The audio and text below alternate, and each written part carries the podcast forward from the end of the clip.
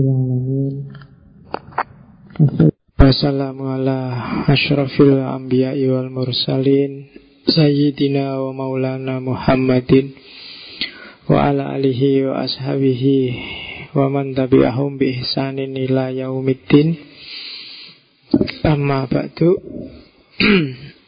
Uh, Bismillah kita lanjutkan Ngaji kita. Kita break sebentar dari postmodern Ambil nafas ke timur. Karena pos mau ada pengantarnya ya Yang timur juga harus ada pengantarnya Untuk conditioning. Meskipun sebenarnya Kajian-kajian timur hari ini Itu bagi beberapa tokoh adalah salah satu versi tersendiri dari yang namanya postmodernisme. Jadi postmodern itu kan kemarin salah satu definisinya adalah gugatan terhadap modernisme yang hampir semua gugatan itu sifatnya epistemologis. Dan di antara banyak jenis gugatan yang sifatnya tidak melulu epistemologis adalah gerakan-gerakan untuk kembali pada spiritualitas lama. Ya yang paling terkenal nanti dikenal sebagai New Age Movement. Nanti kita lihat tak singgung sebentar tentang New Age, tapi yang jelas sebenarnya dari konteks pembacaan hari ini tema-tema ketimuran itu hakikatnya sebenarnya masih juga tema postmodern. Uh, untuk fase pertama saya tidak tahu mungkin generasi awal nanti saya mulai dari Cina aja. Cina lebih dulu terus kita kembali ke barat terus balik lagi ke timur mungkin India atau Persia terus ke barat lagi terus balik lagi ke timur gitu biar imbang kiri kanan kalau pakai bahasa timur Barat itu yang, kalau timur itu yin. Jadi kiri kanannya biar biar nyambung. Kalau barat itu lebih banyak pakai otak kanan, sementara timur banyak pakai otak kiri. Kalau barat itu jalan karena lebih banyak pakai otak kanan, terus kalau jalan di luar pakai mobil apa motor mesti sisi kanan. Kalau kita kan sisi kiri sesuai jenis otaknya yang sering dipakai. Oke, Bismillah kita mulai kajian kita tentang timur. Tapi pertama-tama saya ingin penjernihan istilah dulu. Kenapa kok disebut timur? Ini istilah yang agak ambigu ya si timur itu arah mata angin ya. Timur itu kalau di peta itu bagian kanan ya. Iya, yang atas kan utara, yang kanan timur. Kalau secara kultur dulu waktu di filsafat Islam banyak saya singgung timur itu adalah tempat pencerahan. Karena di timurlah matahari terbit di seluruh dunia. Susah kamu nyari cerita pak. Jangan-jangan ada negara yang mataharinya nggak dari timur tak Sejauh yang saya tahu kok nggak ada. Matahari selalu terbit di timur. Tenggelam di barat. Maka ada ada gium kalau timur itu simbol cahaya Barat simbol kegelapan. Itu duduk iwang barat kan Oke Jadi Timur itu simbol pencerahan Kalau barat adalah simbol dari puncak peradaban. Ya biasanya kalau habis puncak itu kan terus turun Jadi malam.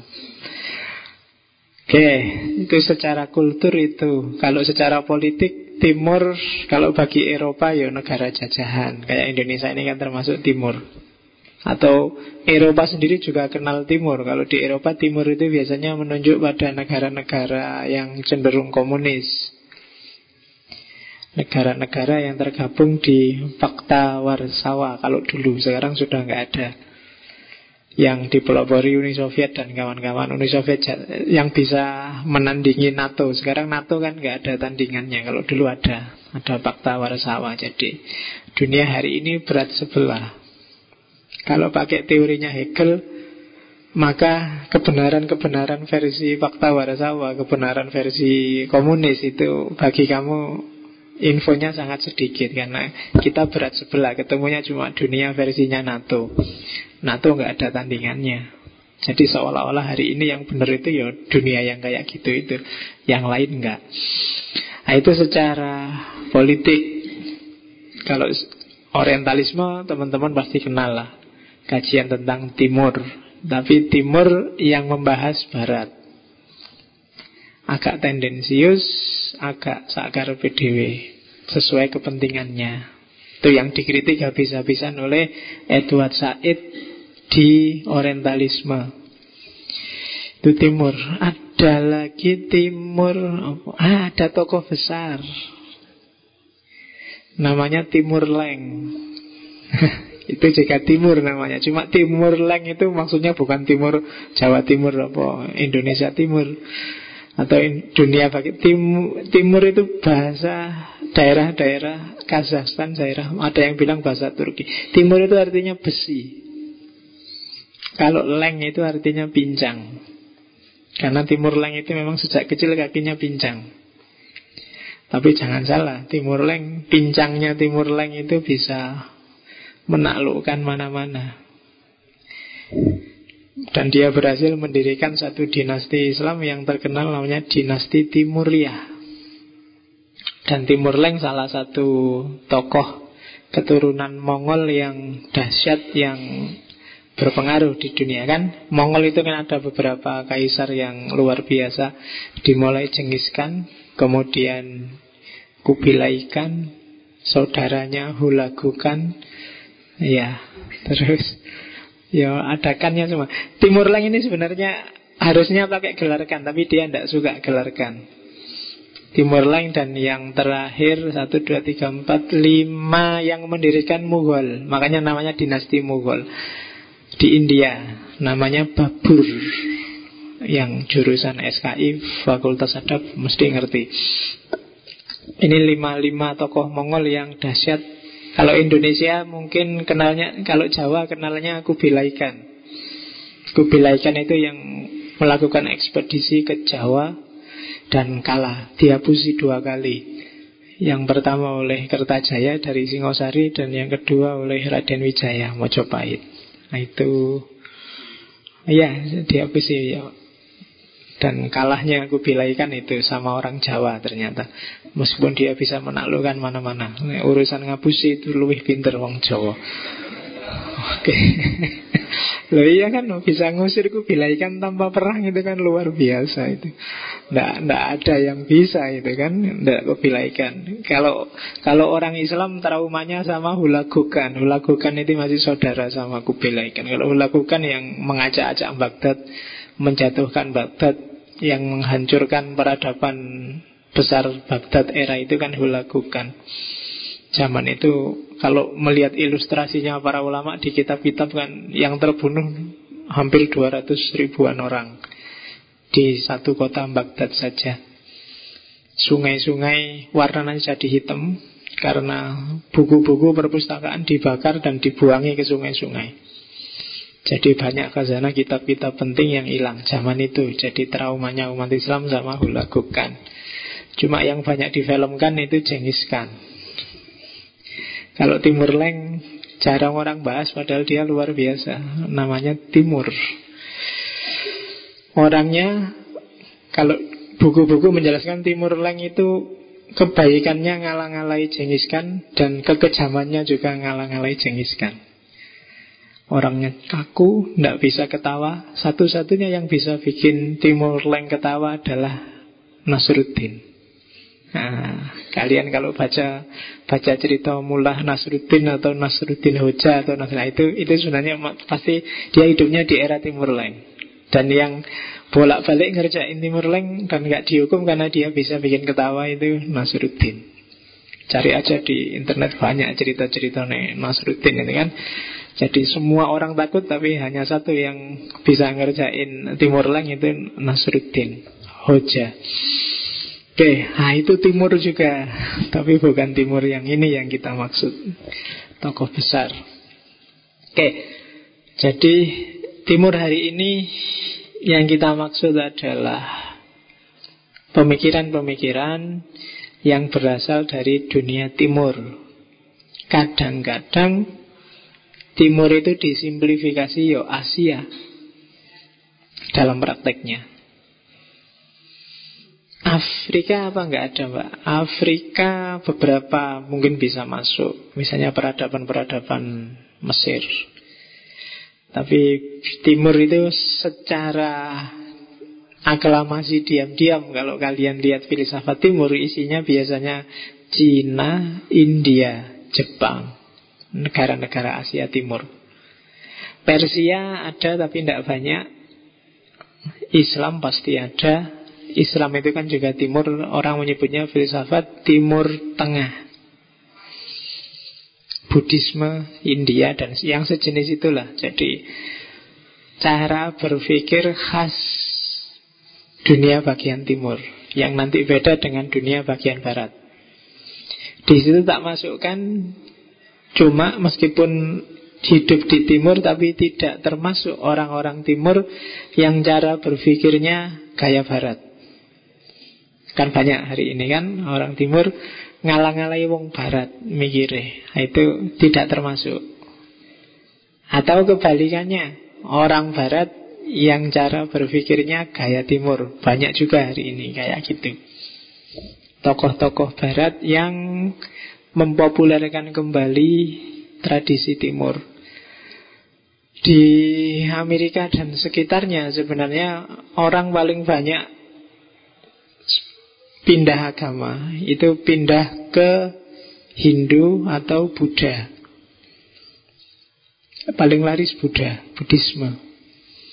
Mungkin lebih nyambung sama cara berpikir barat Nanti kita akan ada fase filsafat agama Mungkin kita agak masuk ke situ Jadi Barat yang berpikirnya gaya timur Kalau diklasifikasi nanti kayak gini. Secara umum.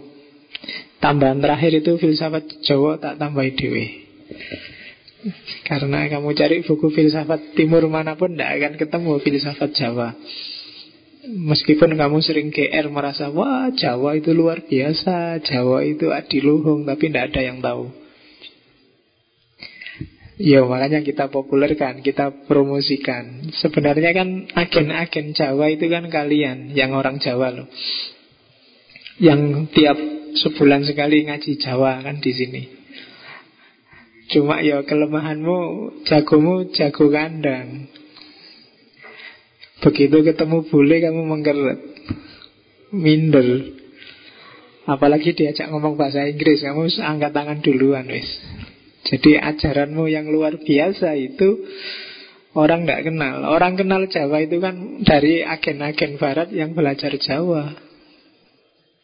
Dan mengolahnya kan mesti versi mereka. Coba ya kalian Kan ini ada ngaji kejawen Nanti dengarkan rekamannya yang tidak ikut Terus bandingkan dengan ulasan asli ngaji kejawen Dengan ulasan mereka yang terdidik barat Menjelaskan Jawa Coba baca Magni Suseno Etika Jawa Atau bukunya Niels Mulder Atau Mark Woodward. Itu kan Hawanya kan beda.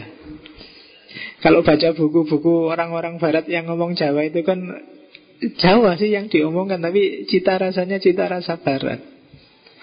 Kategori-kategori Pilihan-pilihan kalimat Ungkapan-ungkapan yang dipilih Itu Intonasi dan gayanya gaya barat Auranya nggak keluar Jawanya Jadi ya Susah ya, nih auranya nggak keluar Lebih enak auratnya yang keluar Jadi Kamu kehilangan diksi, kehilangan intonasi Jawa. Makanya ya kamu yang harus agennya Jawa, yang ngerti Jawa dan ngomonglah Jawa dengan logika Jawa. Ya kan banyak ya kayak tadi loh orang timur ngomong Jawa tapi pakai logika barat yo ya hasilnya sama aja Nanti mesti ujungnya wah secara fenomenologis, secara mesti gitu nanti. Versi Jawa harusnya. Nanti ada khasnya. Bedanya apa timur sama barat? Ada Taoisme, Cina, Konfusionisme, Sintoisme, legalisme, Maoisme. Itu yang mainstream Asia Timur. Tiongkok, Jepang. Jadi saya tidak tahu mungkin fase fase Cina mungkin saya hanya masuk ke Taoisme, Konfusianisme. Mungkin ada tambahan satu lagi saya tidak tahu apa. Mungkin Sun Tzu atau I Ching atau apa nanti kita lihat. Kalau enggak ya setelah Konfusianisme kita balik lagi ke Barat. Untuk nanti pada gilirannya kita kembali ke India atau Persia. India ada Hinduisme, Buddhisme, Sikhisme, Jainisme. Persia kita kenal Zoroastrianisme, Manikeanisme, Masdakisme, Zurfanisme, Bahaisme. Islam masa iya? Tidak masuk karena masa iya adalah Timur sih aktor-aktornya tapi gayanya gaya barat pengaruh Aristoteles sangat kuat. Maka kalau di Islam lebih dikenal Avicennisme Avicennisme itu pemikirannya Ibnu Sina yang fase falsafatul masyrik filsafat timur. Iluminasionisme Suhrawardi Transenden filosofinya Mula Sadra Jangan lupa juga filosofi of kalam Jangan dikira Mu'tazilah As'ariyah itu bayan saja. Mereka juga filsafat yang luar biasa, khas mereka. Dan yang terakhir, Sufisme. Rumi, Ibnu Arabi, Al-Halaj, dan kawan-kawan kan juga punya gagasan-gagasan filosofis yang luar biasa. Dan Jawa. Sebenarnya mungkin juga yang luar Jawa tidak terima ya nanti ada filsafat Melayu misalnya. Mungkin ada. Atau yang mana boleh kamu bikin aja sendiri. Semua pikiran timur bisa masuk Wong itu kan kategorinya bukan kategori eksak Satu tambah satu dua. Jawa pun ya mungkin harusnya beda lah. Ini Jawa versi timur sama Jawa Jawa versi tengah sama barat itu kan ya beda. Serat-serat yang banyak kamu bahas itu di sini kan itu Jawa versi tengah. Jawa versi barat mungkin beda lagi Jawa timur apalagi. Kalau saya Jawa Timur Lebih terus terang. To the point Kalau ada yang ngomong bulat Kebanyakan basi-basi itu. Kalau orang Jawa Timur nganggepnya wong kulonan. Kalau ngomong lidit Banyak bahasa basinya Banyak itunya. Ah, Gayanya wong kulonan itu mesti. Itu bagi orang Jawa Timur. Karena mereka punya filosofi sendiri. Jawa Timur itu kan lebih belak-belakan Terus terang ngomong apa nih? Misuh tanpa sungkan itu kan adanya di Jawa Timur. Kalau di sini kan misuh itu berarti ada peristiwa luar biasa. Kalau di sana misuh itu peristiwa biasa sehari-hari. Nah itu kan filosofinya beda. Bodoh-bodoh wetane, bodoh-bodoh timur. Belum nanti nyebrang kembali. Nah, itu kan luar biasa. Di Jawa itu khasnya kan kayak gitu. Jadi beda-beda beda teritori punya beda filosofi juga. Itu bagi saya tantangan bagi para mahasiswa S1 atau S2. Kamu punya kekayaan yang luar biasa. Kalau nggak diopeni, dua tiga generasi lagi akan hilang. Jadi makanya kalau ada ngaji-ngaji Jawa serat kejawen Tidak cuma harus diikuti Kalau diikuti formalitas Harus disukai kalau disukai biasanya Kalau formalitas itu Kalau repot ya ditinggal Nggak hobi. Kalau nggak hobi itu kan terpaksa. Kayak kamu kuliah itu lah Kalau bisa bolos kenapa harus masuk? Karena formalitas.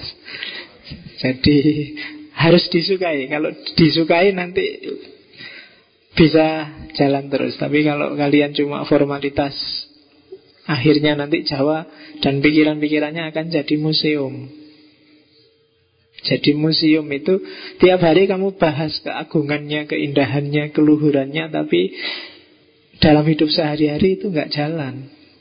Kan kayak museum kan? Kamu ke museum cuma lihat Wah dulu ada pistol, ada bom ada Di museum kan ada semua itu Tapi kan di luar nggak ada Dalam hidup sehari-hari nggak ada. Oke Ya kayak pegawai Pemda Sekarang kan kalau di Jogja Tiap hari apa Kemis ya Yang disuruh pakai belangkon sama surjan itu kan. Itu kan museum. Lahir dari formalitas dipaksa ya harus pakai. Kalau nggak pakai bayaranmu dipotong kan susah. Apalagi kalau sampai dipecat.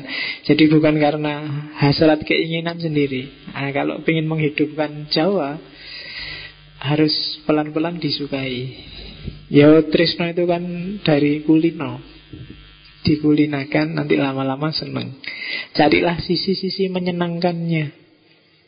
Jangan manja Kamu kan biasanya pingin disenangkan dulu baru suka. Sekarang dibalik. Coba disukai dulu lah Baru nanti sopo ngerti lahirlah rasa seneng. Oke Pacar juga gitu. Jangan nyari yang suka sama kamu dulu Nggak akan ketemu sampai besok. Kejarlah yang kamu sukai dulu Oke Tuh Filsafat Timur ya. Jadi Kurikulumnya timur itu nanti itu. Jadi nanti kita ada fase Asia Timur, ada fase India, fase Persia.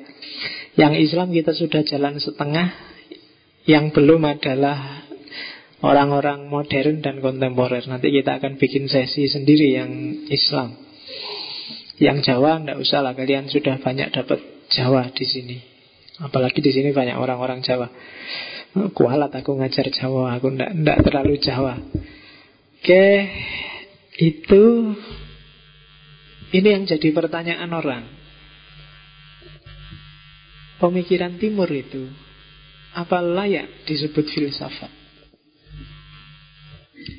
Jangan-jangan itu cuma kepercayaan saja. Jangan-jangan itu agama dalam tanda petik ada Buddhisme kan? Kamu ngertinya Buddhisme, Hinduisme, Sintoisme, Sikisme Itu kan agama. Bukan filsafat. Seandainya ada pemikirannya pun ya datangnya belakangan.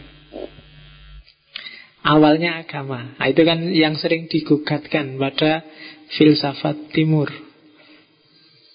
Kenapa bisa begitu? Sebenarnya karena banyak orang melihat filsafat pemikiran-pemikiran timur itu tidak sistematis. Kalau barat itu kan tertib. Ontologi, epistemologi, aksiologi. Pikirannya tokoh ini, ini tentang epistemologi. Kalau tokoh ini, ini tentang ontologi. Kalau tokoh ini selalu gitu. Barat itu tertib. Tapi kalau coba kalian baca kitab-kitab timur, Termasuk Al-Quran. Itu campur aduk tidak karu-karuan. Hanya orang luar biasa yang bisa menggali, mencermati Terus memilah-milah satu-satu. Bukalah tahu decing Bukalah apa ya Kitab babon-babon timur itu. Isinya mesti campur. Cara mikir Cara hidup Mana etika, mana estetika Wis pokoknya campur dari siji Dan itu yang bikin orang barat Masa kayak gini disebut filsafat? Apa iya? Itu tidak pernah dibahas secara kritis, pokoknya dipercaya begitu saja. Ya kan? Orang timur itu kan selalu begitu. Pokoknya dipercaya. Kalian kalau pas ngaji serat kan susah sekali untuk kritis. Pokoknya dipercaya wis semua api ini, sudah sip ini, sudah luar biasa ini. Tinggalan nenek moyang itu memang bagus kan selalu begitu. Membangkitkan daya kritis itu kan susah banget kalau untuk pikiran timur. Bantah kata-kata yang ada di kitab-kitab yang kamu percaya punya otoritas itu kan pening. Entah hambatannya apa. Mungkin karena memang sistematikanya agak menjebak. Oke, jadi sistematikanya agak acak. Kemudian cara berpikirnya sering-sering tidak runtut sehingga orang harus jeli, harus teliti. Kamu baca dan menafsirkan kitab-kitab timur itu harus konsentrasi. Nggak bisa sambil lalu. Baca Quran aja kan gitu. Habis ngomong apa, tiba-tiba ngomong apa. Habis ngomong orang disuruh sodako, tiba-tiba orang boleh kawin empat. Tiba-tiba itu kan agak loncat-loncat agak. Itu kalau nggak konsentrasi jadi pening. Itu gayanya timur kayak gitu memang. Ya kamu sendiri yang harus mengejar rahasianya. Karena mereka tidak setia dengan tata aturan, tata sastra, tata gayanya timur. Jadi kalau kalian tanya Konfusius, kemudian Hindusme, Buddhisme itu membahas apa tentang apa? Us, semua hal A sampai Z dibahas. Polanya cenderung totaliter. Total pokoknya wis. Antara mana etika yang ngajar orang suruh kerja, mana tuntunan cara mikir, mana estetika sekedar kembang-kembangan itu campur jadi satu. Itu gaya timur. Dalam prakteknya kan juga gitu. Misalnya apa wis sehari-hari kayak timur selawatan. Selawatan itu kan mana estetika, mana etika, mana ontologi solawat, mana epistemologi mengekspresikan cinta itu kan campur jadi satu. Nggak bisa dipisah-pisah. Ketika salah satu variabelnya dipisah, nggak utuh lagi selawatannya. Nggak kayak gitu lagi sudah. Bedakan sama barat. Kalau barat bisa dipisah. Oh ini epistemologinya saja. Saya ingin bahas epistemologinya aja Pak. Nah, kalau pikiran barat bisa. Tapi kalau pikiran timur itu mesti kalau kamu bahas itunya saja. Nggak akan bisa kalau nggak nyinggung epistemologinya saja. Nggak akan bisa kalau nggak nyinggung ontologinya. Nggak akan bisa kalau nggak nyinggung estetika etikanya. Moralitas Jawa misalnya. Hampir semua serat itu kan isinya moralitas. Itu kan kalian susah mem memilah. Ini moralitas etik Apa etiket ya? Apa estetik ya? Ini kan susah. Ketemu orang tua cium tangan. Itu apa etika? Apa estetika? Apa? Itu kan susah. Nah itu gaya timur sudah. Jadi Kenapa banyak orang ragu-ragu itu filsafat apa tidak? Karena gayanya, modenya di sisi itu. Tapi di sisi muatan, di sisi reflektif, kontemplatif, timur luar biasa. Tidak ada yang tidak bilang bahwa timur jauh lebih dalam daripada barat dalam melakukan refleksi. Barat itu kan hanya mandek di dunia empiris dan dunia rasional. Kalau timur tidak berhenti di situ. Orang timur itu kadang-kadang empiris dan rasional aja sampai ditinggal loh.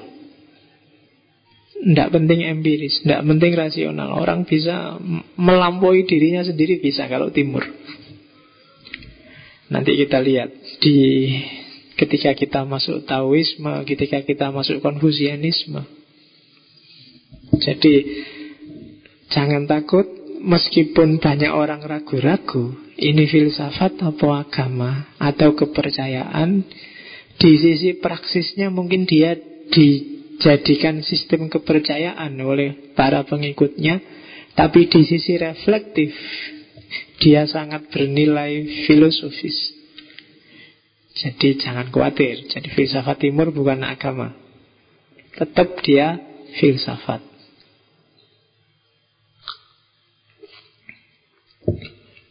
Teh ini, kalau ini minum teh kayak barat. Kalau kayak timur, coba lihat gimana orang Jepang, orang Cina memperlakukan teh. Biasanya pakai cangkir kecil itu terus tehnya kadang-kadang airnya daunnya teh yang ditaruh di atas itu terus diminum. Kalau bagi kamu kan sangat tidak melegakan. Ya kan? Lo kalau di sana itu minum ada aturannya sendiri gimana caranya minum cara menyuguhkan cara dan itu manifestasi dari filosofi apa itu timur. Tidak ada yang tidak bermakna di timur. Setiap maju mundur langkah ke samping ke kiri ke kanan selalu dia sifatnya simbolik. Misterinya timur itu. Kalau ini sudah teh kayak barat. Barat itu kan teh itu ya karena minuman, minuman itu ya untuk menghilangkan haus, titik. Jadi kalau minum kasihlah sekadar hausnya hilang kan cuma itu. Tapi kalau di Jepang, di Cina, bahkan di Korea itu ada estetikanya sendiri. Cara menikmati teh. Kalau kamu kan gampang, teh ya pak, tinggal diambil, diminum. Kalau sudah nggak aus, nggak serak, ya wis beres, aman. Nah kalau di timur enggak. Enggak sekedar itu. Oke. Okay.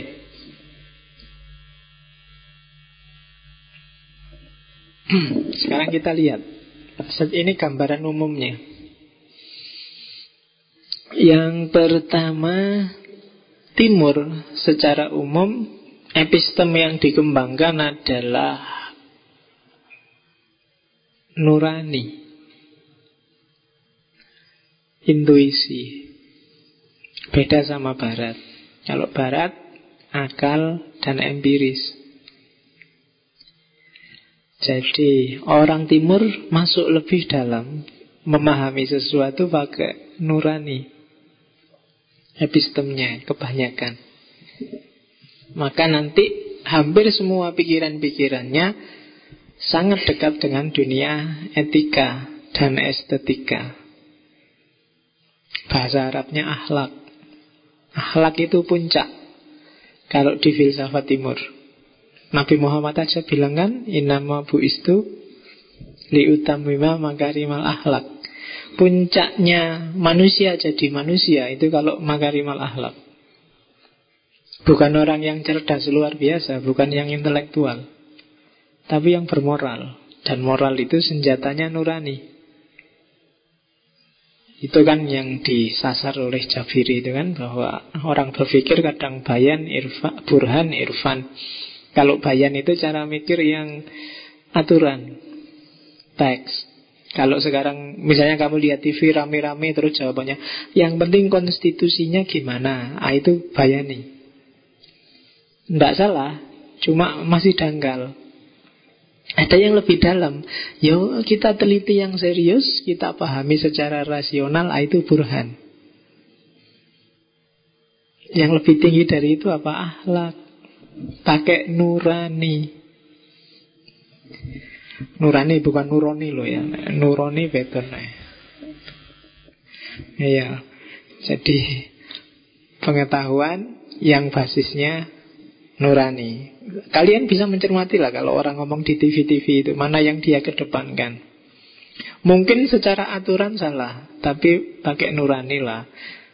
Kalau ada orang ngemis dan nggak kamu kasih, itu secara rasional empiris kamu benar Bahkan undang-undang juga kamu benar Jangan ngasih orang minta-minta Tapi kadang-kadang kan epistemnya nurani Lu kasihan itu anak kecil Kelihatannya kok belum makan sejak pagi sama yang ngomong kok disuruh minta-minta terus nggak dikasih apa-apa. Mumpung aku punya makanan tak kasih deh. Itu kan nurani yang bilang. Padahal di atasnya ada tulisan barang siapa ngasih pada anak minta-minta didenda 500 ribu kan gitu. Kayani itu kalau kamu ikut itu. Atau kamu mikir, ah sebentar ah, kalau tak kasih, dia nanti jadi manja. Kalau dia manja nanti tidak mau kerja, maunya minta-minta terus sampai besar. Ah, tidak usah dikasih, ah, burhani. Kalau nurani itu si, si, kasihan ini ya. Kalau hari ini nggak tak kasih, nak semaput bi. Kalau sakit gimana? Gak tego aku eh. Udah lah gak usah tak kasih uang Tak kasih makanan aja. Yang penting dia bisa makan. Nanti kalau dikasih uang nanti. Atau kalau orangnya tak kasih kerjaan aja deh. Oh tak ajak bisnis aja lah. Itu kan tidak apa-apa. Nah itu yang main nurani. Kalau ada temenmu uangnya habis Dan uangmu masih banyak Kamu tidak ngutangi Itu sah rasional. Wong dia bukan tanggung jawabmu toh. Bukan apa-apamu jadi kalau kamu nggak ngutang itu nggak dia nggak bisa ngelaporin kamu ke polisi gara-gara kamu nggak ngutangi. Ya, cuma yo nurani lah. Apalagi pacar. Ya. Tapi nurani bukan nuroni loh yang pacar nuroni beton. Oke, epistem yang banyak dikembangkan di barat. Yang kedua sikap terhadap alam. Bedanya sama barat Orang barat memposisikan dirinya di atas alam semesta. Kalau orang timur, filsafat timur, itu memposisikan dirinya di tengah alam semesta.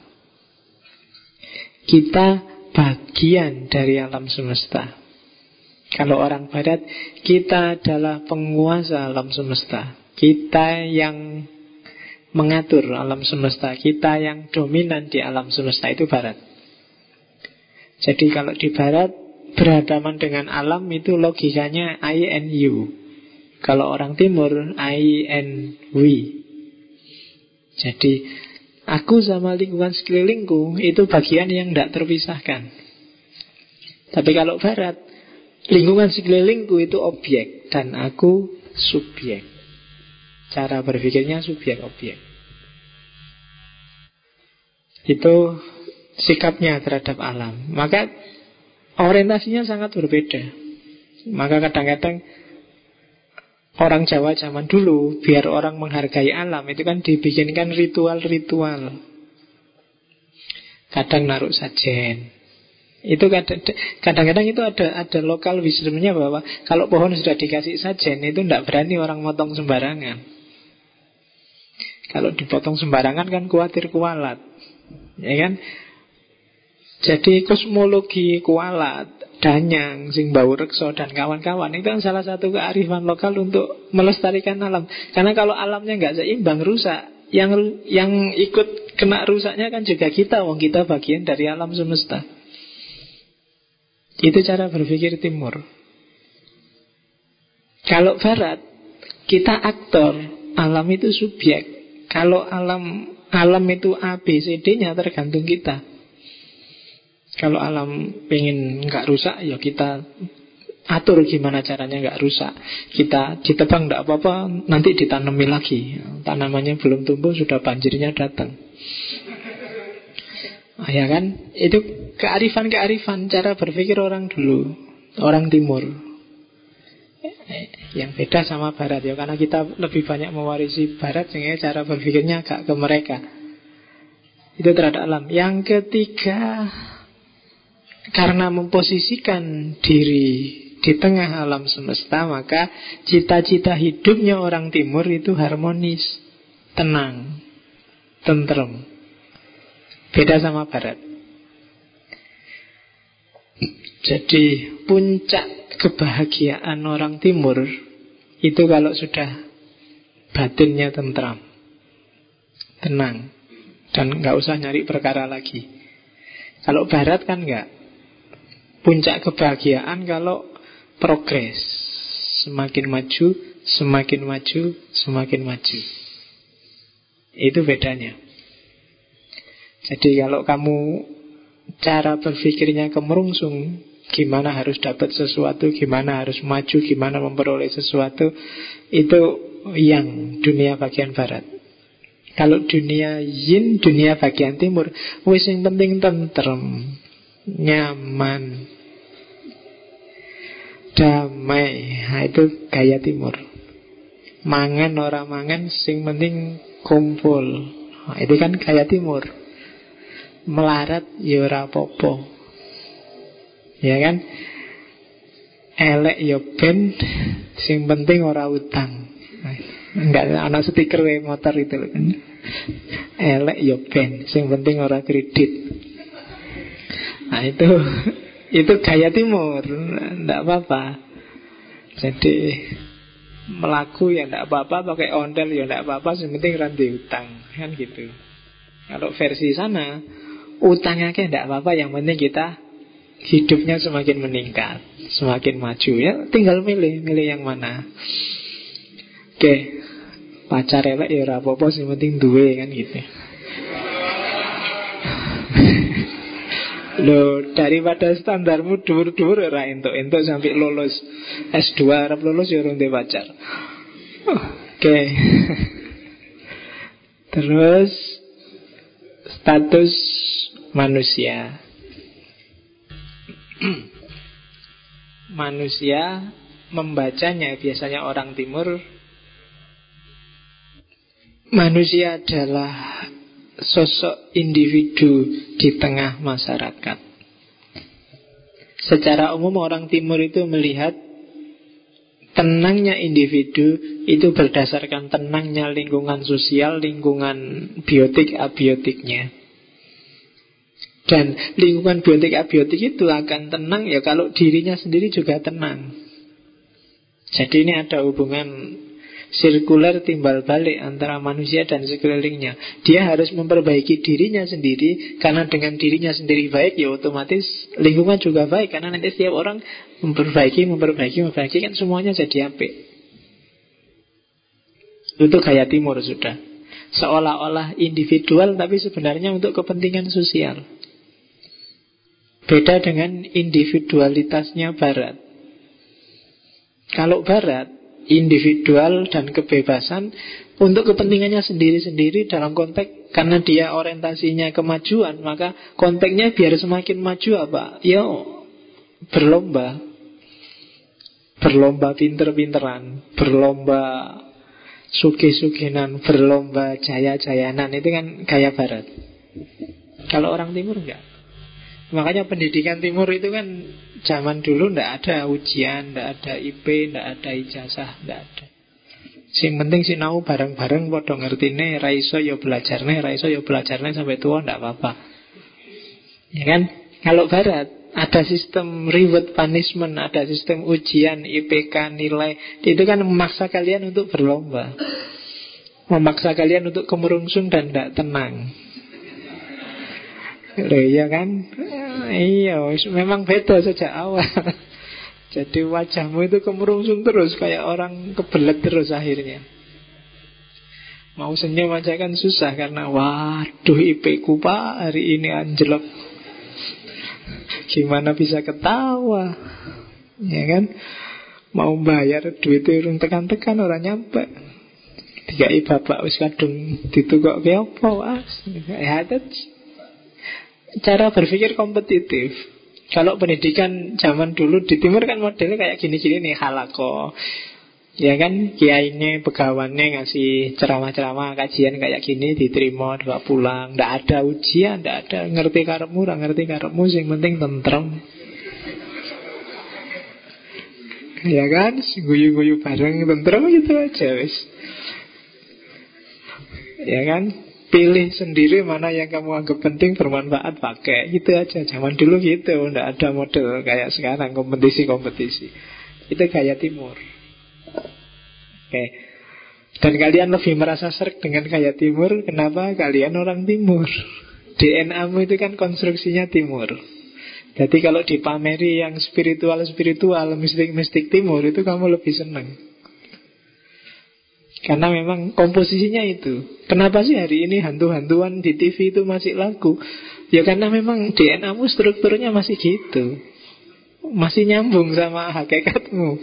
Dirimu itu lebih senang yang gitu-gitu. Klene yang model dunia lain, model Mister Tukul jalan-jalan itu kan. Jadi yang gaya gaya timur sebenarnya. Meskipun dikemas secara barat bawa kamera ke kuburan, bawa kamera itu kan. Oke, kita lihat orientasinya kalau dibandingkan jadi kayak gini. Orang Timur cenderung punya orientasi universal, memayu hayuning bawono kata orang Jawa. Hamengku buwono, madep mantep maka jadi paku buwono kalau dipaku kok masih goyang aja ya dipangku negoro. Ya iya kan orang Jawa gitu, dipaku, dipangku, di apalagi memayu ayun itu kan dalam rangka bikin dia berhenti, tenang. Tidak bergejolak. Karena memang target hidupnya itu biar harmonis. Oke, jadi kalau Indonesia ini tidak karu-karuan terus, mungkin perlu dipangku, perlu hamengku buwono, perlu ada sistem, perlu ada struktur yang bisa bikin tenang. Atau kalau dipangku masih belum ya dipaku, paku buwono. Nah, itu kayak filosofinya kan nanti di situ karena memang orientasinya harmoni. universal, individual. Kalau filsafat timur itu orientasinya ke soul and intellect, akal budi dan hati nurani dan jiwa. Kalau western itu accumulation of knowledge. Hanya akal saja yang mengumpulkan informasi. Barat itu melihat dunia secara deskriptif dikumpulkan semua pengetahuan entah dia butuh apa enggak entah itu berguna apa enggak pokoknya sign for sign. Kali timur enggak? Ilmu itu cari yang bermanfaat. Al ilmu bila amalin kan gitu. Kenapa? Ya ilmu enggak boleh dia berhenti cuma jadi ilmu. Kaburomaktan kamu cuma bisa ngomong enggak bisa ngelakoni kan gitu. Itu gaya timur. Kalau di barat Wis pokoknya tuntutlah ilmu sebanyak mungkin. Kepakai apa nggak kepakai main tambah ilmu. Kamu di kampus kan nggak jelas kan dikasih mata kuliah apa aja. Gunanya apa ya Diajari Pancasila, Islam dan budaya lokal, diajari logika, diajari gunanya apa? Nggak tahu pokoknya diajari accumulation of knowledge, ijazah nanti hasilnya. Dengan akumulasi pengetahuan Kamu ngumpulkan sebanyak itu pengetahuan itu loh. Tinggu apa? Kalau orang Jawa ditanyakan Al ilmu bila amalin? Amal dari ilmumu sebanyak itu apa terusan? Ya kan? Jangan-jangan ijazahmu adalah Sajarin bila samarin. Itu kayak pohon yang tanpa buah. Ah, Hati-hati sama orang timur kamu diketawain itu kan kamu jungkir balik mati-matian direwangi nyontek ternyata tidak berbuah. Accumulation of knowledge. Terus bagi orang timur segala sesuatu itu saling berkaitan, saling berhubungan. Jangan salah kalau temenmu rusak, jangan dikira kamu nggak ketularan rusak sedikit atau banyak. Kalau pemerintahanmu kacau, jangan dikira kamu nggak ikut kacau. Kamu nggak bisa lo bilang, ah itu urusannya orang Jakarta. Loh, kita interrelated deh. Kita saling pengaruh mempengaruhi. Jangankan itu, cuaca, hawa, alam sekitar kalau di timur loh, tumbuh-tumbuhan segala itu punya hubungan sama kalian. Ada korelasinya. Kan kapan itu tak ceritain. Air aja kan punya pengaruh psikologis Tergantung moodmu. Kalau kamu marah-marah ya lingkungan sekitarmu Auranya juga aura marah. Nggak enak hawanya. Kalau kamu lagi ceria Ya lingkungan sekitarmu juga ikut ceria. Semuanya saling nyambung Tidak ada yang kebetulan Interrelated. Kalau barat Memahami sesuatu Serba bagian per bagian Makanya orang barat itu semakin orang spesialis semakin dianggap dalam ilmunya. Kalau di timur semakin orang generalis ngerti macam-macam dianggap dia semakin bermanfaat ilmunya. Maka filosofi-filosofi Islam awal itu kan ngerti macam-macam. Kiai-kiai di desa itu kan harus ngerti macam-macam. Nggak cuma bisa berdoa, kadang-kadang juga harus bisa dukun, harus bisa, ya kan di desa itu macam-macam. Realitas interrelated. Ya kalau di UIN nanti jadi integrasi interkoneksi itu. Ya, meskipun baru jargon tapi yo luar biasa itu interrelated, saling berhubungan.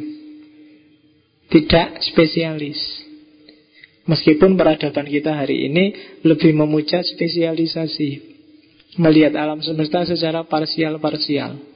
Dokter itu semakin spesialis, bayarannya semakin mahal. Dokter umum itu padahal ngerti banyak penyakit, bayarannya murah. Kalau dokter spesialis, ngertinya cuma spesialis mata, bayarannya mahal. Apalagi spesialis mata kiri. Nah, itu lebih mahal lagi itu. Pokoknya Mata kiri tok bisa nih. Mata kanan kalau sakit sakit mata kiri, kanan nggak bisa dia. Oh itu semakin judge itu. Semakin luar biasa, semakin spesialis. Oke. Okay. Filsafat timur harmony and unified Filsafat barat master and counter reality Jadi filsafat timur ya jelas Tadi tak jelasin tekanannya pada harmoni dan kesatuan. Kalau filsafat barat Gimana orang bisa jadi aktor Di alam semesta ini? Terus filsafat timur cenderung adaptif. Sementara filsafat barat cenderung defensif. Cenderung memisahkan Karena spesialis tadi Karena orang timur melihat realitas saling berhubungan Maka dia adaptif Bisa menerima perubahan lebih mudah daripada orang barat Hari ini kita ngamuan Mungkin karena epistem yang kita kembangkan Baunya agak barat, agak bayan atau burhan tadi. Semakin orang susah menerima perbedaan dan perubahan. Tapi semakin orang melihat segalanya berhubungan, biasanya dia semakin adaptif. Kayak agama di Jawa itu kan gitu, adaptif. Di Jawa itu dulu animisme Hindu masuk, ya Hindu dan animisme kawin. Buddha masuk, Hindunya nggak dibuang, Budanya diterima dan bisa. Maka Mojopahit itu kan terkenal agamanya Siwa Buddha. Itu kan unik. Siwa Hindu. Tapi Siwa tapi yang Buddha. Siwa Buddha itu kan khas. Siwa Buddha terus Islam masuk. Ya tidak apa-apa diterima aja. Dan tinggal digabungkan dengan agama yang sudah ada. Lahirlah Islam Jawa. Yang kamu kenal hari ini dengan kejawen. Dan santai aja, nggak ada tawuran-tawuran. Kristen masuk juga ya silahkan aja masuk. Kalau ada yang mau silahkan ikut, nggak mau ya nggak apa-apa. Dan orang Kristen ketika misi awal-awal itu ya ke sini ya misionarisnya juga pakai belangkon, pakai surjan. Sampai hari ini kan masih banyak yang kayak gitu dan nggak apa-apa orang Jawa juga nggak tersinggung. Jadi lebih adaptif, lebih mudah menerima perubahan. Itu orang timur Kalau kamu ngamuan Susah menghadapi perubahan Kamu berarti sudah jadi orang barat Entah barat bagian mana Jadi wong kulonan kamu sekarang Timur itu lentur Itu cirinya Karena dia tekanannya pada harmoni Makanya kadang-kadang orang Jawa itu mungkin dia marah luar biasa, mungkin dia tersinggung, mungkin dia disakiti, dizolimi, tapi ah sudahlah, ndak apa-apa. Kenapa? Harmoni. Biar gak gegeran, rapi nak ro dewe kok gegeran, kan gitu. Itu pendekatannya harmoni. Alah cuma segitu aja kok. Ah paling uang berapa sih paling itu. Itu apa? Harmoni pasti epistemnya. Kalau pakai logika mungkin tidak begitu loh. Jangan dilihat uangnya dong. Coba dilihat. Itu kezaliman, itu tugas kita untuk menyingkirkan. Nah, nontonnya kan ngono terusan. Nah kalau di timur enggak, Allah enggak ada ruginya. Ben lah. Gusti Allah rasari kan mesti gitu. Tenang ya. Oke, jadi itu beda orientasi barat dan timur. Ini lanjutannya. Jadi secara ringkas orang timur bisa menyesuaikan diri dengan alam kalau orang barat menguasai alam. Kalau orang timur spiritual mistis biasanya orientasinya kalau barat rasional empiris.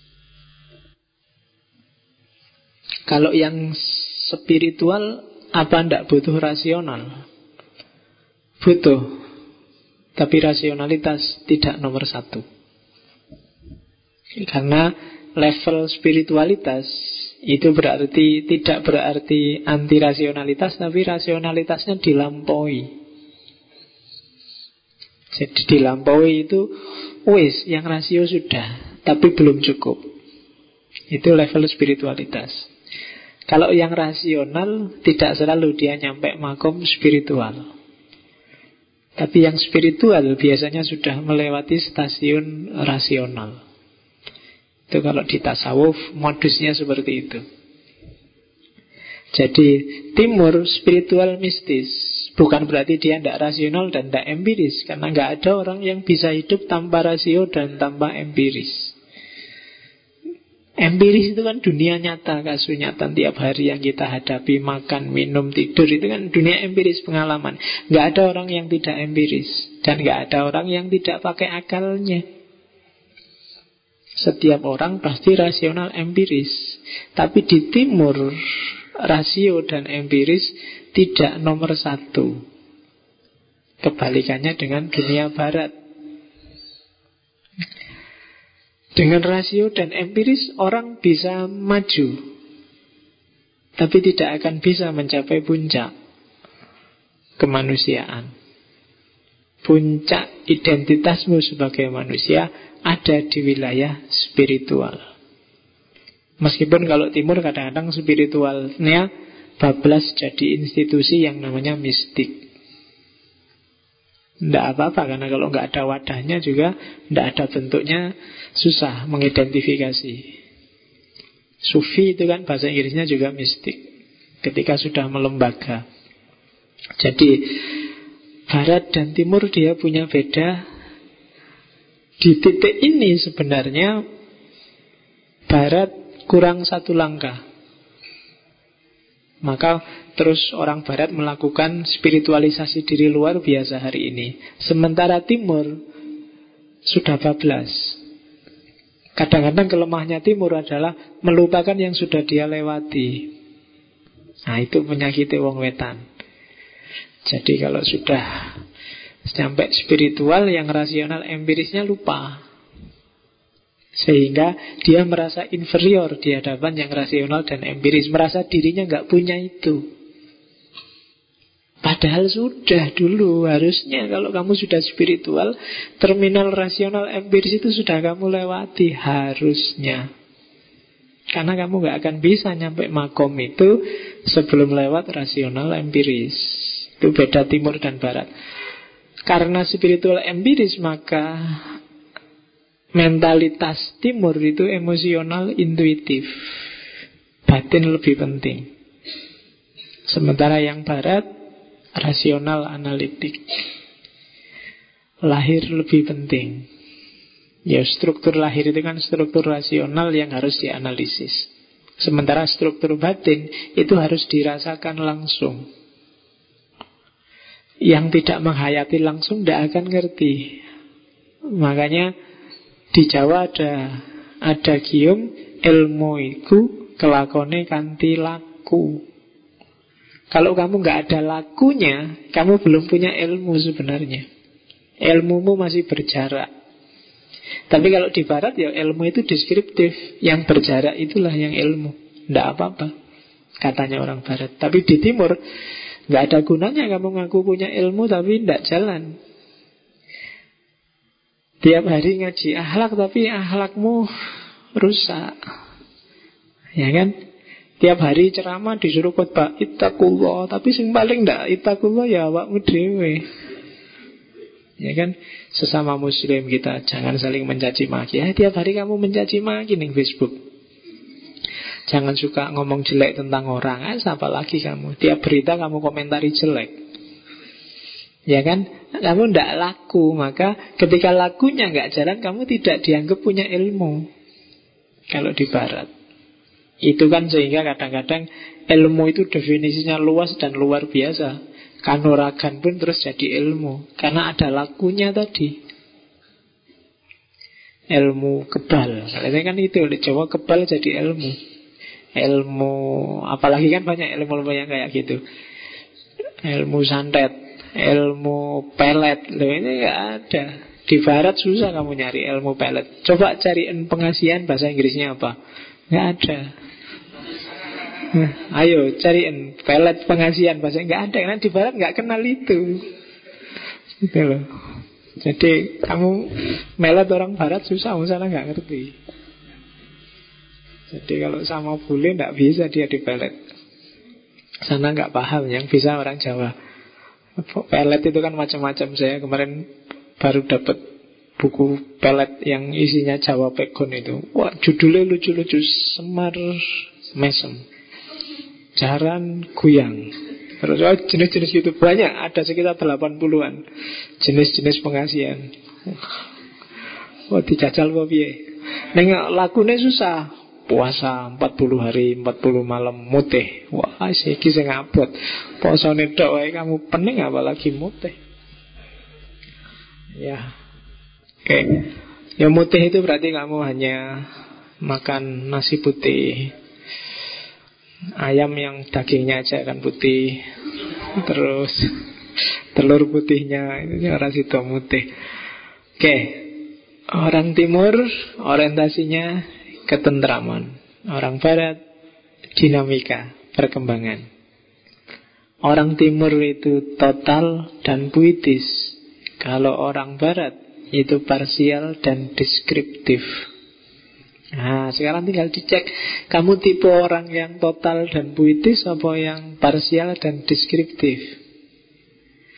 Ya kelihatan lah, mungkin posting-postinganmu akan kelihatan kamu itu orangnya deskriptif apa puitis. Puitis itu kamu ngomong dengan satu dua kata, orang bisa menafsirkannya jutaan kata. Itu puitis. Tapi kalau deskriptif itu kamu ngomong banyak orang memahaminya satu kalimat. Itu deskriptif. Kamu ngomong Islam adalah agama damai. Wah, panjang sekali. Pokoknya intinya Islam agama damai. Itu dok, ternyata. Ah, itu deskriptif. Tapi kalau puitis itu kamu ngomong satu kalimat aja. Itu orang memahaminya bisa panjang.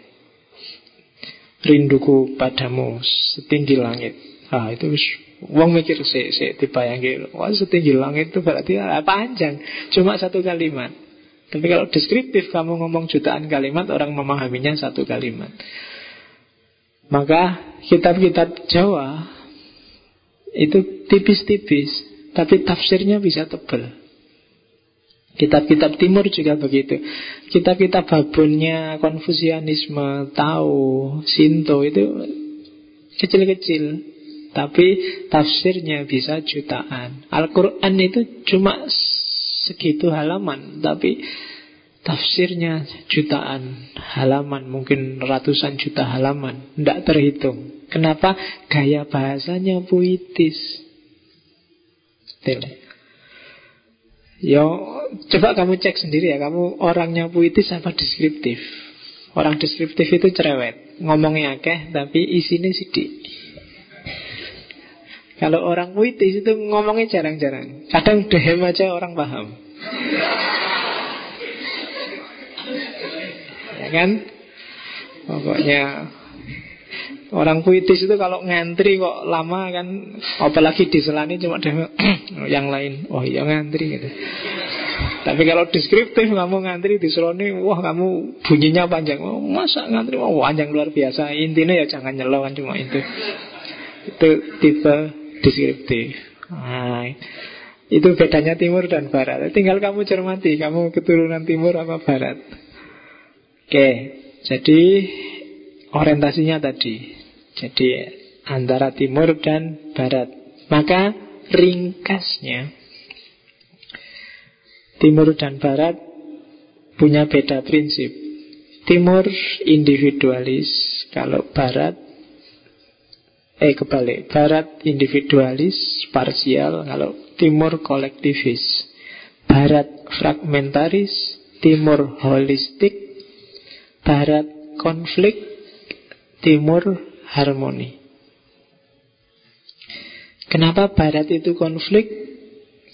Karena orang harus maju Maju itu kan berarti kondisi kamu berubah dari sekarang lebih baik meskipun berubahnya secara ideal kan begitu. Nah, untuk berubah kan harus ada gesekan, harus ada masalah. Jadi konflik terus ada solusi terus maju kan tesis antitesis akan ada sintesis Sintesis ini akan jadi tesis, ada antitesis baru jadi sintesis. Itu kan cara berpikir dialektis. Sebenarnya itu cara berpikir konfliktual. Makanya Mark dan kawan-kawan cara berpikirnya disebut paradigma konflik sosial. Kalau tidak ada konflik, ya kalian tidak akan maju. Untuk bisa maju harus ada konflik. Jadi jangan anti konflik. Kalau kamu anti konflik, ya tidak maju-maju. Dan ini western style. Ya dalam kondisi tertentu kita kan butuh yang kayak gini. Ini saya bilang tadi ini yang dimensi kerasnya hidup. Kalau di timur yin, di titik tertentu kita memang harus harmoni. Kalau hidup itu chaos terus, kacau terus, nggak ada tentremnya, ya susah. Harus ada level di mana kita mapan, tenang, harmonis. Dan di titik tertentu kita harus siap juga berubah. Maka siap dengan konflik. Dan itu cirinya barat. Maka jangan nanti konflik. Konflik berarti tanda-tanda kamu mau maju. Itu kan kayak kalau kamu di kampus bingung itu loh kan Terus dosennya bilang Tenang aja, bingung itu Tanda-tanda kamu mau pinter Kalau jadi Loh iya kalau nggak jadi ya enggak Loh konflik juga gitu. Tanda-tanda kamu mau maju kalau jadi. Kalau nggak jadi ya tambah rusak. Gara-gara konflik. Ya makanya orang terus disuruh belajar manajemen konflik. Biar nggak biar dengan konflik kamu tambah maju, jangan tambah rusak. Ya makanya kalau ada manajemen konflik berarti harus ada manajemen bingung. Ya, lo kalau kamu di kelas, wah alhamdulillah pak, saya sudah bingung berarti mau pinter ini. iya, tapi ya suwi pinter ya, jangan berhenti di situ. Kamu mentang-mentang bingung mau pinter terus kamu puas dengan bingung. Gimana tadi kuliahnya? Tidak paham sih, aku bingung. Tapi kan berarti aku mau pinter. Iyalah. Ya masih mau itu loh sudah bangga. Belum pinter itu sudah bisa pamer mau pinter. Sudah bingung. Oke.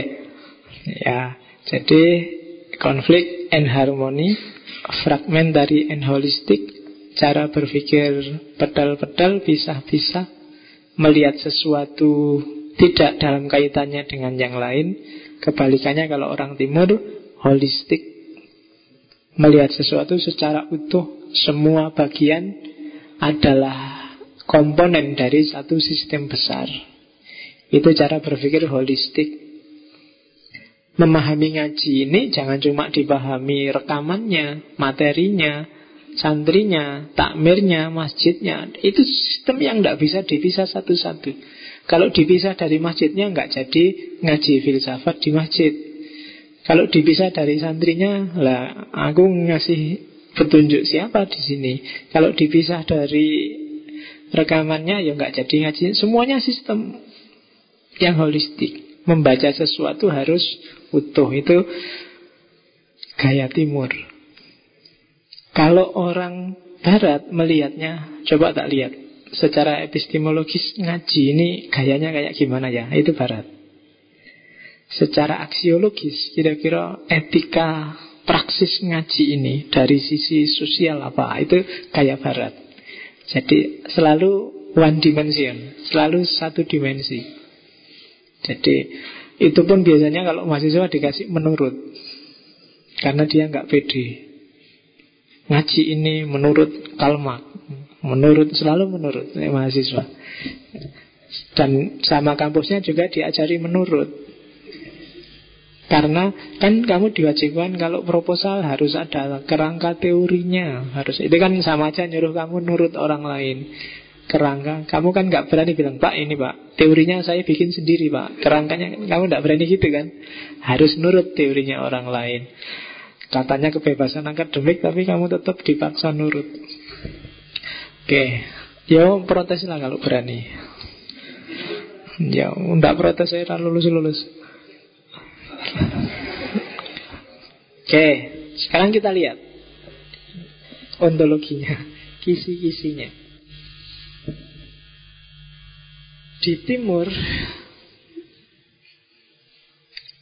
ada kebenaran universal. Kalau di barat cenderung tidak ada. Kebenaran inilah nanti yang dipegangi hampir semua tokohnya. Meskipun dengan gaya yang berbeda-beda. Kebenaran universal itu ya kadang disebut kalau di filsafat biasanya disebut filsafat perennial, Sofia perennis. Ya kebenaran universal itu misalnya kasunyatan. Kasunyatan ini nanti kalau di Heidegger Jerman yang disebut faktisitas bahwa kita hidup itu selalu terlempar dalam kenyataan. Itu universal sudah. Semua orang juga begitu. Kamu ndak minta tiba-tiba ujuk-ujuk lahir di tengah keluarga yang bapakmu guru misalnya. Itu kan kasunyatan. Kamu nggak bisa menghindari. Kamu nggak minta tiba-tiba kamu punya teman yang cerewet. Faktisitas terlempar di depan teman yang cerewet. Nah itu kasunyatan. Kamu ndak minta Kok rambutmu keriting? Itu juga kasunyatan. Kamu ndak minta kulitmu hitam itu juga kasunyatan. Bukan pilihanmu kan? Kalau kamu boleh milih Kamu milih tinggi, besar, gagah Kulitmu putih kan gitu. Cuma karena nggak bisa milih Terpaksa kamu harus kayak gini Terima-terima gile Kan gitu. Itu kasunyatan kalau boleh milih kamu ingin jadi anak Jokowi apa anak SBY apa anak Abu Rizal Bakri kan enak. Nanti dapat sudah kaya raya, dapat istri artis, sudah itu pun bisa double, bisa nyabang. Enak kan? Kalau boleh milih Kan ternyata tidak bisa milih. Itu namanya kasunyatan. Jadi Itu kenyataan. Kebenaran yang universal. Nggak ada orang yang tidak terlembar dalam kasunyatan. Tiba-tiba saja, ya meskipun kamu sebut Abu Rizal Bakri enak, tiba-tiba saja dia terlempar dalam satu kasunyatan ketemu dengan lumpur Lapindo. Jokowi yang tenang-tenang tiba-tiba ketemu ya BG, BW dan BH itu kan. Loh itu yang pejabat sementaranya kan inisialnya BH. Oke. Itu kan kasus nyatanya Jokowi hari ini dia terlempar di situ. Oke, terus Timur biasanya melihat manusia sebagai mikrokosmos, alam semesta sebagai makrokosmos. Nanti kita ketemu satu-satu ide-ide ini di klaster-klasternya. Timur biasanya menyuruh kita untuk menemukan diri yang sejati, karena pemahaman kita tentang diri kita hari ini itu biasanya artifisial. Terlalu banyak topeng yang kita kenakan hari ini. Apakah itu topeng sosial, topeng budaya, topeng politik, atau pencitraan individual. Maka kejarlah dirimu yang sejati. Itu nanti banyak pikiran-pikiran kayak gitu. Terus Gimana caranya menemukan diri yang sejati? Ya lewat ilmu. Cuma ilmunya bukan dicari di buku, tapi harus melalui laku. Itu gaya timur sudah. Jadi untuk menemukan dirimu, jangan cari referensi di buku-buku. Jangan tanya motivator-motivator. Ya, tapi laku. Jalani hidupmu, refleksikan hidupmu. Itu kamu akan ketemu dirimu yang sejati. Sekarang kan kamu selalu cari referensi itu kan. Tipe kepribadianmu apa? Wah, terus kamu ikut kuis, kamu isi kuisnya satu-satu. Wah, ternyata aku gini, aku gitu kan selalu gitu. Apalagi kamu ikut motivator-motivator itu kan. Jangan kayak gini, jangan kayak gitu. Kayak ngerti-ngerti ya dirimu, ndak yang ngerti kamu hanya dirimu. Dan cara untuk ngerti lewat laku, tidak deskriptif, tidak semata-mata lewat ilmu. Itu gaya timur. Terus selanjutnya semua peristiwa di dunia ini saling terkait. Dan sejarah bergerak secara sirkuler. Itu gaya timur. Konsep-konsep karma, reinkarnasi, Siapa menanam dia yang menuai Itu gaya timur Jadi sejarah itu tidak lurus Tapi muter Indonesia ini kenapa kok kacau terus? Itu mungkin karena memang cakra manggilingannya memang takdirnya dia begitu. Ada utang yang harus dia bayar. Karmanya. Kalau kamu melakukan yang jelek-jelek, ya hasilnya nanti jelek dan harus kamu bayar kejelekan ini. Nah kalau belum tuntas sampai mati pak, kamu akan lahir lagi. Sampai ketemu dirimu yang sejati, sampai kamu asli, dan tidak ada utang yang harus kamu bayar, itu nanti kamu akan naik ke level kalau di Buddha disebut nirwana. Selama kamu masih punya banyak utang, kamu akan balik lagi, lahir lagi, lahir lagi. Apalagi kalau setelah lahir lagi kok kamu degradasi. Dulu nilainya A sekarang jadi C. Oh, itu lahir lagi kamu mesti. Naik kuliah itu ngulang. Sampai lulus, sampai lulus. Hidup juga gitu. Sampai lulus, sampai ilaihi rojiun. Sampai kembali pada Allah. Dan yang bisa kembali kan nafsu kalau di Islam loh. Nafsu mutmainnah.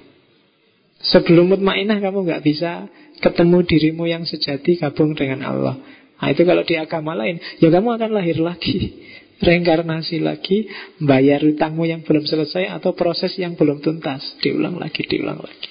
Oh, kalau di Hindu bahkan kadang-kadang kalau kamu degradasi, reinkarnasinya bisa masuk ke binatang, bisa masuk ke Iya, jadi tidak enak kan? Tiba-tiba kamu masuk ke cicak Apa masuk ke itu kan? Dari jadi manusia kok. Kan banyak cerita gitu kalau di Hindu. Kenapa? Karena sejarah itu sirkuler Muter. Nah Tugasnya orang hidup apa? Memutus rantai kehidupan ini sampai tuntas Dan kamu bergabung dengan yang sejati. Terus Ya, jadi kemajuan yang diagungkan oleh Barat itu adalah proses yang tanpa akhir. Maka kemajuan jangan jadi targetnya. Itu gaya timur.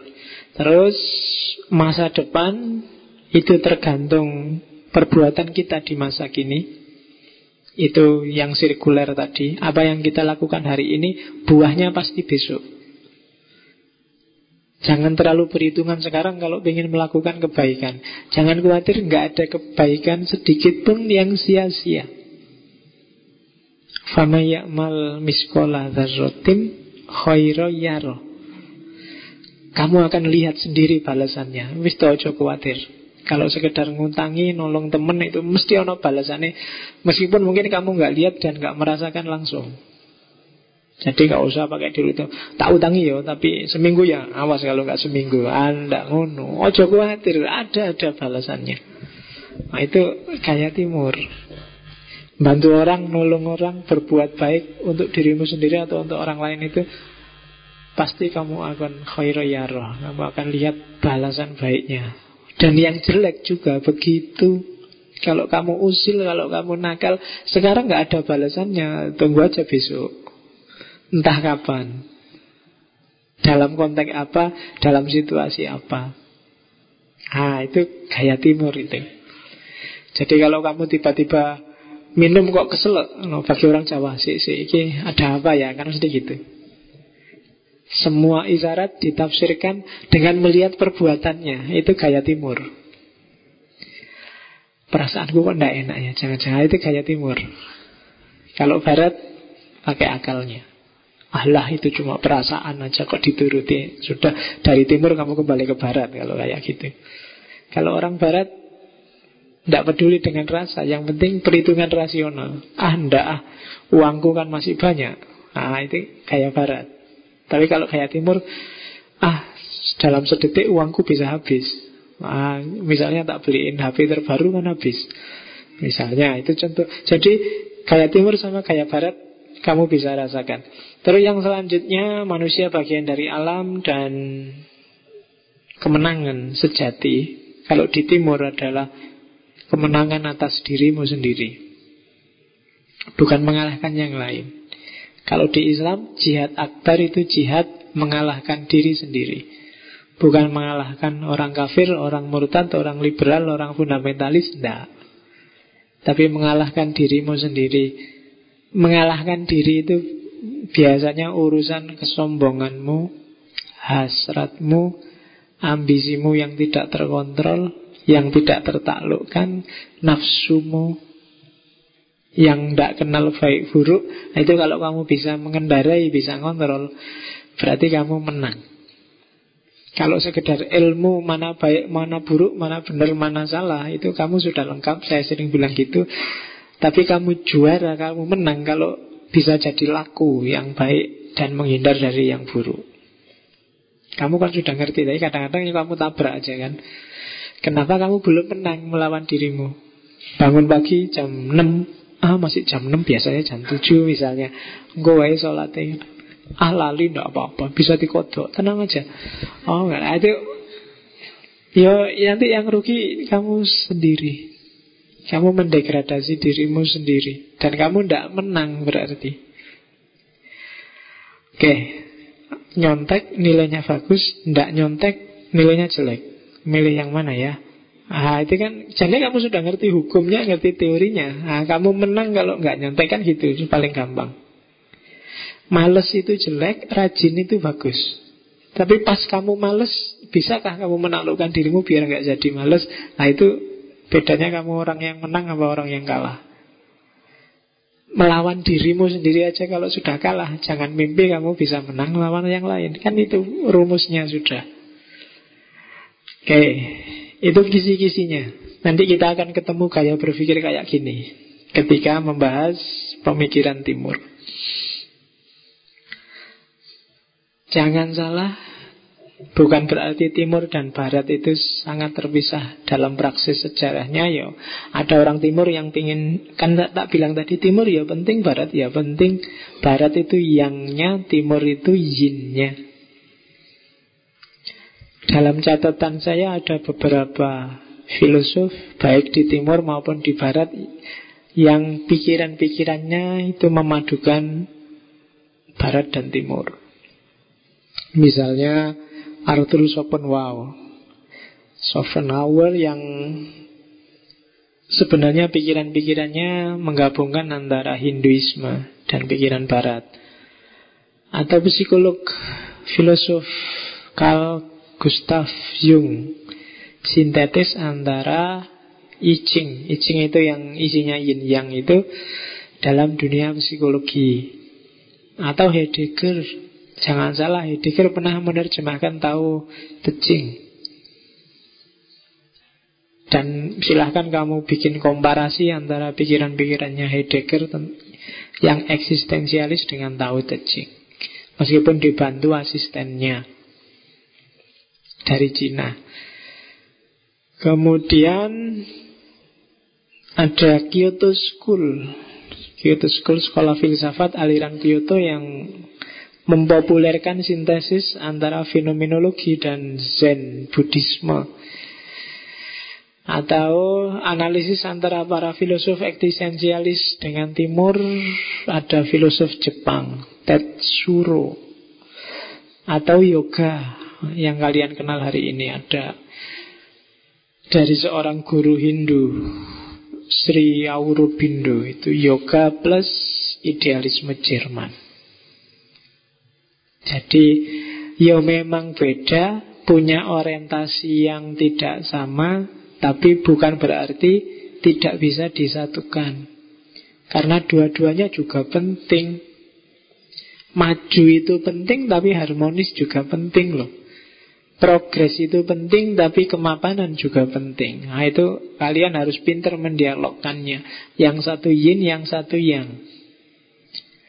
Pinter ngomong itu penting Tapi bisa diem juga penting Kalau diem terus ya Tidak bagus Ngomong terus apalagi Ya, jadi harus harus ngerti kamu kapan ngomong, kapan diem, kapan yin, kapan yang.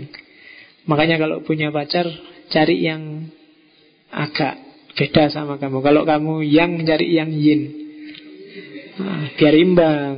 Yang satu cerewet, yang satu pendiam.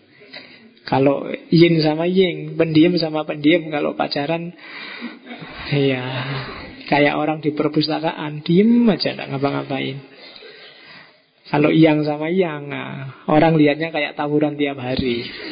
Cerewet, yang satu cerewet, yang satu cerewet. Nah, jadi yang pasangan satu yin, satu yang. Oke, itu sintesis. Karena dua-duanya penting. Panas dan dingin itu kan harus imbang. Panas terus ya ndak enak, dingin terus ya ndak enak. Oke. Sedikit saya ingin hari ini Kenapa tak kasih filsafat timur? Jangan salah, hari ini juga orang-orang di barat itu sedang mati-matian berusaha menghidupkan gaya timur. Itu yang hari ini disebut New Age Movement. Gerakan baru, era baru. Orientasinya spiritualitas. Definisinya itu. A net of free flowing spiritual movement. Gerakan spiritual yang sedang mengalir, sedang lahir di barat, sedang populer hari ini.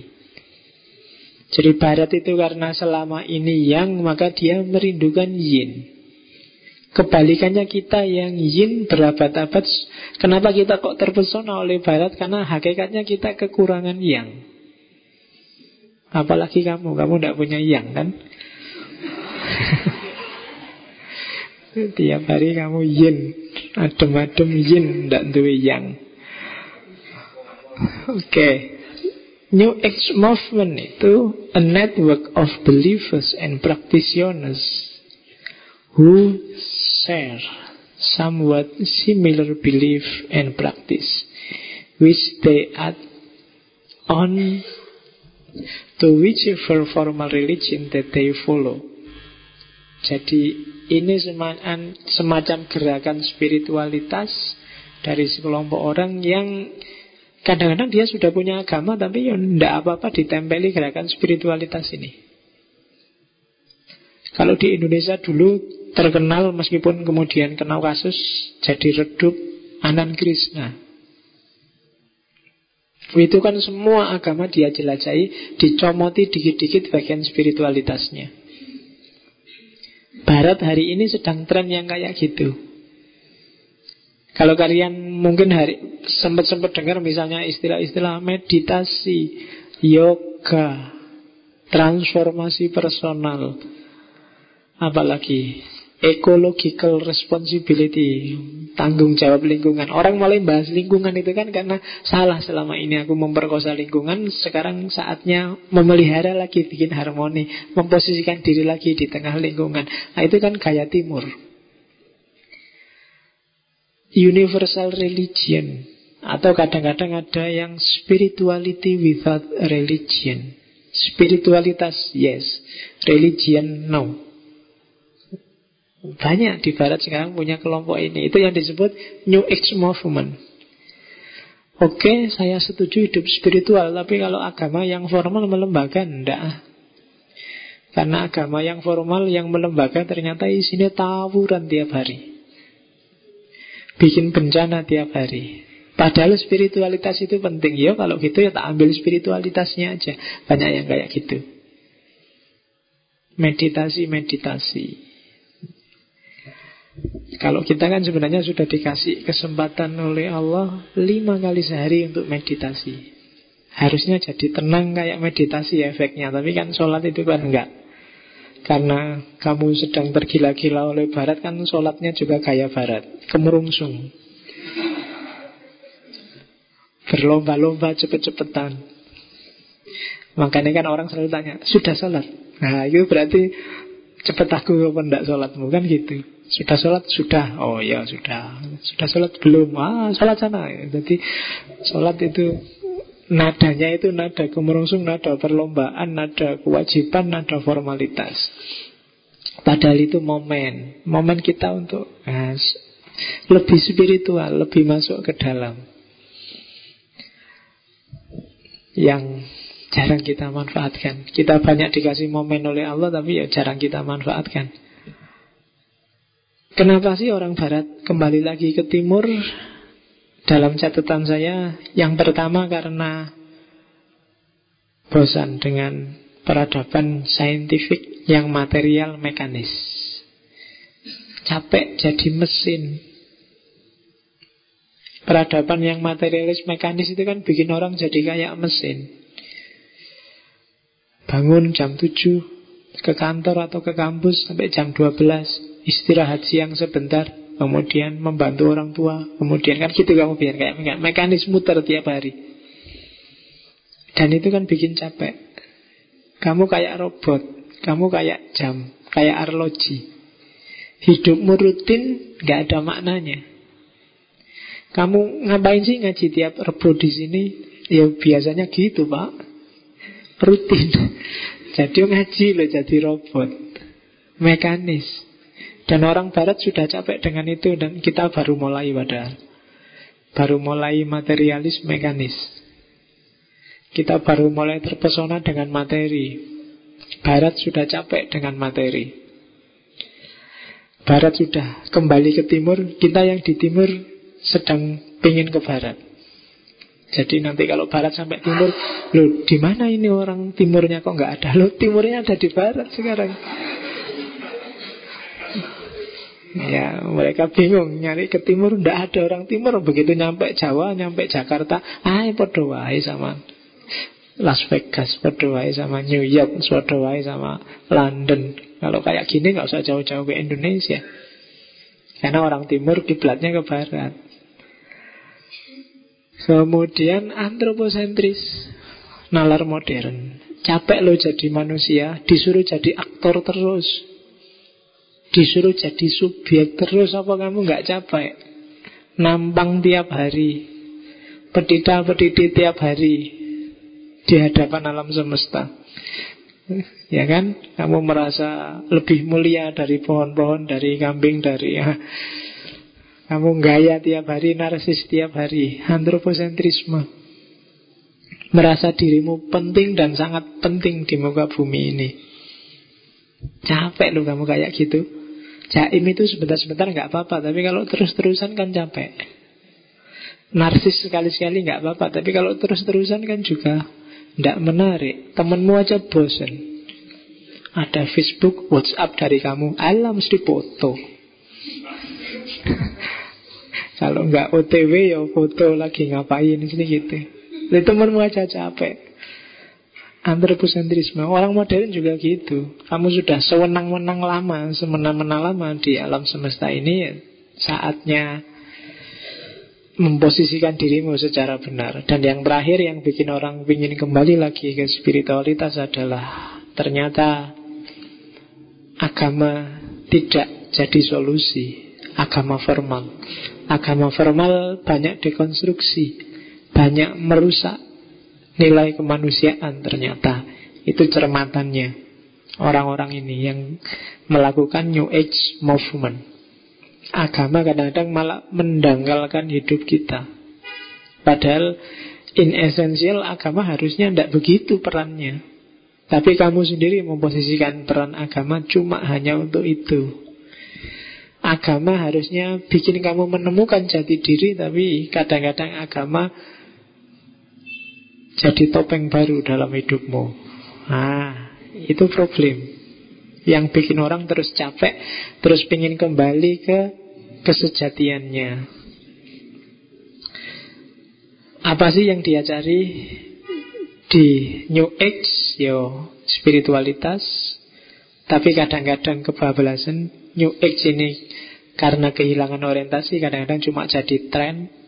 Dan kadang-kadang hanya jadi eskapisme psikologis. Modus hari ini yang ada itu. Tapi yang ideal ya yang pertama. Pemenuhan spiritualitas yang kering. Yang tren dan mode banyak. Apalagi di Indonesia kan banyak tren-tren majelis zikir apa, majelis taklim apa, terus membaca doa bareng-bareng keras-keras wah itu. Itu Trend and mode Kadang-kadang kalau di TV-TV itu dibayar loh, jangan salah Yang jamaah, yang nangis-nangis itu ya dibayar itu Kamu nangisnya keras apa enggak mungkin berpengaruh bayarannya Ya itu itu tren itu ya saya punya teman yang jadi salah satu jamaahnya itu. Alhamdulillah dia seneng karena dapat baju putih-putih gratis. Terus masuk TV. Wow, semakin kamu mewek, TV-nya semakin ngezoom kamu. Jadi kelihatan, wah nangisnya serius itu. Jadi tren and mode Coba kamu lihat TV itu kan Jadi tren kan Tadinya ceramah ketawa-ketawa. Ngakak-ngakak begitu. Wah sesinya habis ini waktunya doa. Bisa langsung nangis-nangis loh. Susah kan nyambungnya. Ya pinter actingnya Tapi yo itu tren. Spiritualitas yang jadi mode Ada yang eskapisme psikologis Pelarian jadi karena kamu stres, karena kamu bingung, ya aktivitas spiritualmu pelarian. Kalau pelarian biasanya sementara. Kalau kamu merasa sudah terobati stresmu, kamu balik ke asal. Itu pelarian. Kayak kamu sedang sumpek terus rajin tahajud. Nah itu eskapisme namanya. Pelarian. Kalau sedang sumpek aja, ya Allah, tiap hari kamu pikir istighfar astagfirullah gitu kan. Tapi lagi, kalau lagi seneng enggak, sudah lupa. Nah, itu eskapisme. Hanya pelarian. Hari ini modusnya tiga itu Spiritualitas. Nah yang New Age ini idealnya yang pertama Spiritualitas Pemenuhan spiritualitas baru. Hari ini bisa kamu lihat banyak manifestasi New Age Musik, film, buku Seminar-seminar pemberdayaan diri Perdamaian, pecinta lingkungan Sinkritisme Passing, passing over itu belajar agama lain untuk kepentingan agamamu sendiri. Jadi belajar Hinduisme, belajar Buddhisme, belajar itu kamu ambil intisari spiritualitasnya karena untuk kepentingan keberagamaanmu sendiri itu namanya passing over. Tidak apa-apa kamu belajar Kristiani, tapi dalam konteks oh kayak gitu ya, berarti yang dimaksud di agamaku itu yang itu toh. Nah itu itu namanya passing over. Tidak apa-apa kamu belajar kamu misalnya belajar kejawen, Islam Jawa. Itu kan mungkin Islammu enggak kayak gitu sih. Tapi dari kejawen ini kamu dapat intisari banyak. Kamu dapat hikmah banyak. Oh, berarti harusnya keberagamaanku yang kayak gini. Salah paham aku berarti terhadap itu gunanya passing over. Itu contohnya New Age atau kesehatan-kesehatan holistik, model meditasi dan lain-lain. Itu gerakan-gerakannya. Yang populer hari ini misalnya Saya tidak tahu mungkin sudah nggak terlalu populer lagi Paradigma dari IQ jadi EQ jadi SQ Itu sebenarnya pengaruh dari gelombang baru namanya New Age ini. Orang merindukan spiritualitas. Waktu awal-awal modern Orang kenalnya IQ Nasibmu akan baik kalau IQ-mu tinggi kalau IQ-mu jelek, alamat masa depanmu suram. Dulu gitu. Tapi terus ada temuan baru EQ, Emotional Quotient, Daniel Goleman. Dia membuktikan ternyata ada orang yang pinter, IP-nya bagus, IQ-nya tinggi tapi hidupnya rusak. Kenapa? Tidak bisa menguasai emosi. Itu kan contohnya ada seorang siswa SMA di Florida. Anak ini perfect, nilainya 100 terus. Hanya di satu pelajaran dia dapat 80. Karena dapat 80 dia tidak terima, harusnya 100. Terus menemui gurunya, gegeran, terus ngambil pisau, gurunya ditusuk. Ya kan? Nah, itu menginspirasi Daniel Goleman nanti di bukunya melahirkan IQ bahwa ternyata pengelolaan emosi itu lebih penting untuk masa depanmu. Kamu sukses apa enggak? Tergantung kamu sukses enggak menaklukkan dirimu. EQ. Dan belakangan ada SQ. Yang paling terkenal kan yang dari Danah Johar dan Ayen Marshall itu yang buku-bukunya Mizan, Spiritual Quotient. Tidak semata-mata emosi yang menentukan kesuksesan dan ketentraman hidupmu, tapi spiritualitas. Emosi bisa palsu, bisa menipu, bisa tidak sejati. Kesejatian, ketulusan adanya di spiritual. Kembalilah ke ranah sejati spiritualitasmu yang kalau dalam agama disebut fitrah. Di situ kamu akan ketemu dengan kesuksesan hidupmu. Di situlah kuncinya. Itu SQ. Atau tahu. Wah, coba cari di perpus atau di toko buku kan banyak tahu of Islam, tahu of filosofi, tahu of management, tahu of kan banyak. Itu contoh New Age movement, gerakan New Age. Ya maksudnya tahu itu yang alami, yang natural. Tahu itu artinya jalan. Minggu depan kita akan ngomong tahu Isma. Jadi apa sih yang dimaksud tahu of Islam itu? Ya berarti Islam apa adanya yang tidak dimanipulasi, yang sejati sesuai jalannya. Itu tahu. Nanti kita ketemu minggu depan. Atau revolusi akuarian, revolusi yin yang. Ini nanti ketemu di I Ching. Mungkin masuk bagian Konfusius. Yang itu antara lain manifestasinya kalau kalian lihat banyak sekali buku pakai istilah kuantum. Quantum learning, quantum teaching, quantum oh, macam-macam. Itu revolusi akuarian. Itu New Age, pikiran-pikiran timur klasik yang dihidupkan lagi di masa kini. Ya, dan selain New Age secara filosofis filsafat perennial yang tak sebut di depan itu dihidupkan lagi oleh banyak filosof kontemporer, banyak tokoh-tokoh postmodern. Mungkin pernah dengar Rene Guénon, Ananda Komarawa, Wasmi, Deepak Chopra, Fitzof Swan, Setu Senasar kalau dari Islam, Titus Bukarat, Marco Palis, Martin Links, ini orang-orang yang ingin menghidupkan kembali kebenaran abadi, khazanah perennial. Yang adanya di semua tradisi filsafat timur dia hidup. Ingin dihidupkan lagi. Kalau Hussein Nasr menyebutnya Saintia Sakra.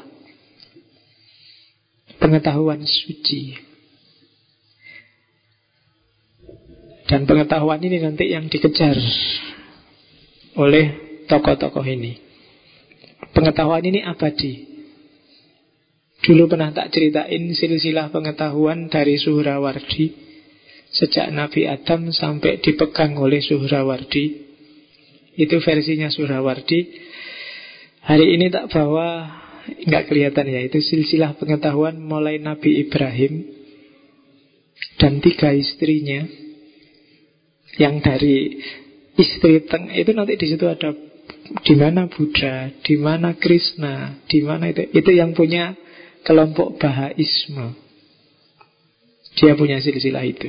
Dari jadi ya Ibrahim itu kamu kenalnya istrinya dua kan, tapi ada istri lagi namanya Ketura. Oh itu Nah ya, kecil sekali ya di situ.